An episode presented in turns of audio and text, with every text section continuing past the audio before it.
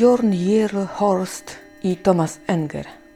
Troszkę jednak inaczej się to wymawia, ale ja nie będę tutaj udawała, że potrafię mówić po norwesku, czy też jakoś markować tę zdolność.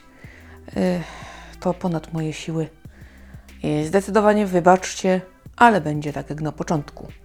Słowo się rzekło. A jedno z e, bardziej rozwlekle prowadzonych spotkań. Długo siedziałam i zastanawiałam się, co ja tu właściwie robię, bo e, niewiele z tego wynika. Kręcimy się wokół jednego tematu i jak długo jeszcze? Ano, bo przede wszystkim należało się dowiedzieć, jak to jest z tym duetem. Zapamiętałam pana Jorna, który e, pracował 20 lat w policji i przeszedł potem na etat pisarski. Też już długo jestem pisarzem. Z zawodu, no ale panowie się przyjaźnią i postanowili dnia pewnego, no, że fajnie by było coś zrobić razem. Oczywiście to nie jest takie proste, bo przecież trzeba wszystko ustalić, co to będzie, jak to będzie i dlaczego. Mnóstwo było rozmów e, o tym, jak e, rozwiązać problem oryginalności, co zrobić, żeby bohaterowie byli ciekawi, no i jak im dowalić oczywiście, co ich tam spotka. A łatwo nie będzie. I rzeczywiście panowie się przyłożyli, żeby ich y, duet różnił się od tego, co robił w pojedynkę. Tutaj y, prowadząca też pytała o hmm, przestępstwa w Norwegii, no bo hmm, seryjni mordercy. Seryjni mordercy, kiedy w 2020 roku w Norwegii dokonano, o ile dobrze pamiętam, 29 zbrodni, no coś koło tego. W każdym razie u nas, o, grubo ponad 600, z tego co pamiętam. No i jak to się ma? No bo teraz taka dysproporcja i gdzie tu szukać seryjnego mordercy? No przecież bez przesady. Jeden był. Teraz ma powstać czwarty tom e, tej ich serii, co piszą we dwójkę, kryminalnej. No, nie został jeszcze on wydany nawet w Norwegii, więc trzeba czekać. Ale panowie mówili, że tam też jest seryjny morderca. Ua! No więc jak to? Ale panowie tutaj dzielnie się wybronili. Powiedzieli, nie, nie, nie, on z Niemiec uciekł, on jest nie on jest, to jest nie nasz synek. No to skoro nie nasz. A że rozrabiał u nas, co my za to możemy, prawda? Padło też takie pytanie, czy oni y, śledzą takie głośne sprawy, y, no bo przecież skądś te inspiracje muszą czerpać. No więc tak, coś tam sobie przeglądają, śledzą. Wiadomo, życie y, bywa bardziej nieprawdopodobne od fikcji, więc tylko się wzorować. I rzeczywiście jedna z tych ich książek jest oparta na takiej historii, która miała miejsce. Oczywiście tam są fikcyjni bohaterowie, ale podobna sprawa była i e, tutaj udało się wykorzystać.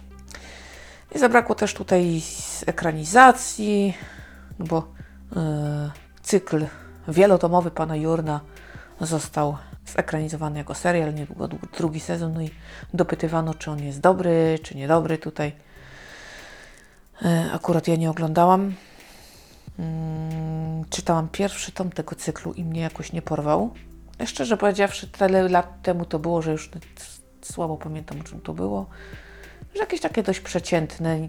Mm, nie pamiętam, żebym jakoś tak mm, bardzo się tym ekscytowała i dlatego ten fakt pamiętam, że spodziewałam się jakichś rewelacji, bo bardzo mi to polecano. I ja przeczytałam, a tu hmm, przeciętnie. No ale dobrze, że nie kiepsko, więc no, nie narzekajmy, jest dobrze. I bez złośliwości, proszę, to jest śmieszne, tak. Tu muszę samą siebie troszeczkę do pionu tutaj postawić, bo e, to już się niedobrze dzieje, skoro tak postępuje. I doprawdy zdziwiona byłam, że pomimo iż początek był taki trudny, to jednak e, okazało się, że całkiem sporo treści na tym spotkaniu zostało przedstawionych.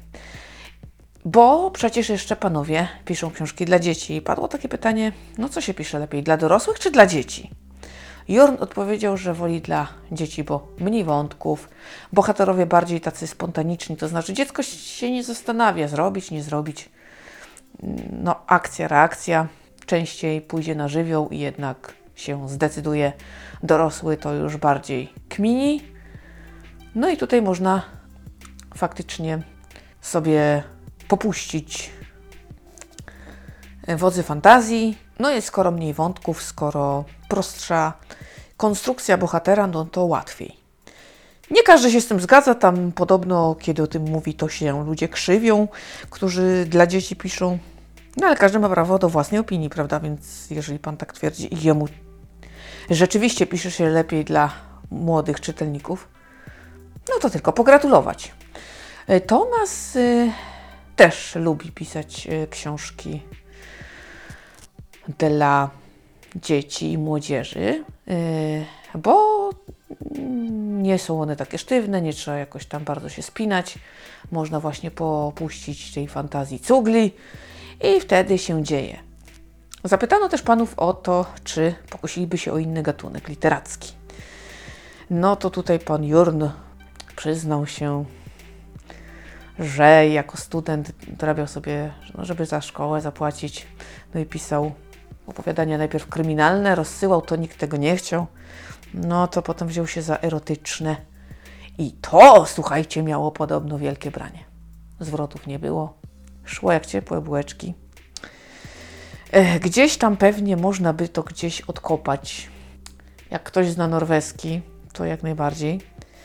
E, Natomiast y, solennie pan tutaj obiecał, że powtórki nie będzie i żadnych treści typu 50 twarzy Greya ani ani.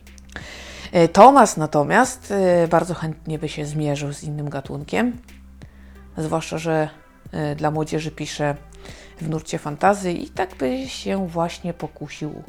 Może jeszcze coś nowego. Dlaczego? Ostatecznie nie, przecież to ciekawe doznania. No i oczywiście rozwój.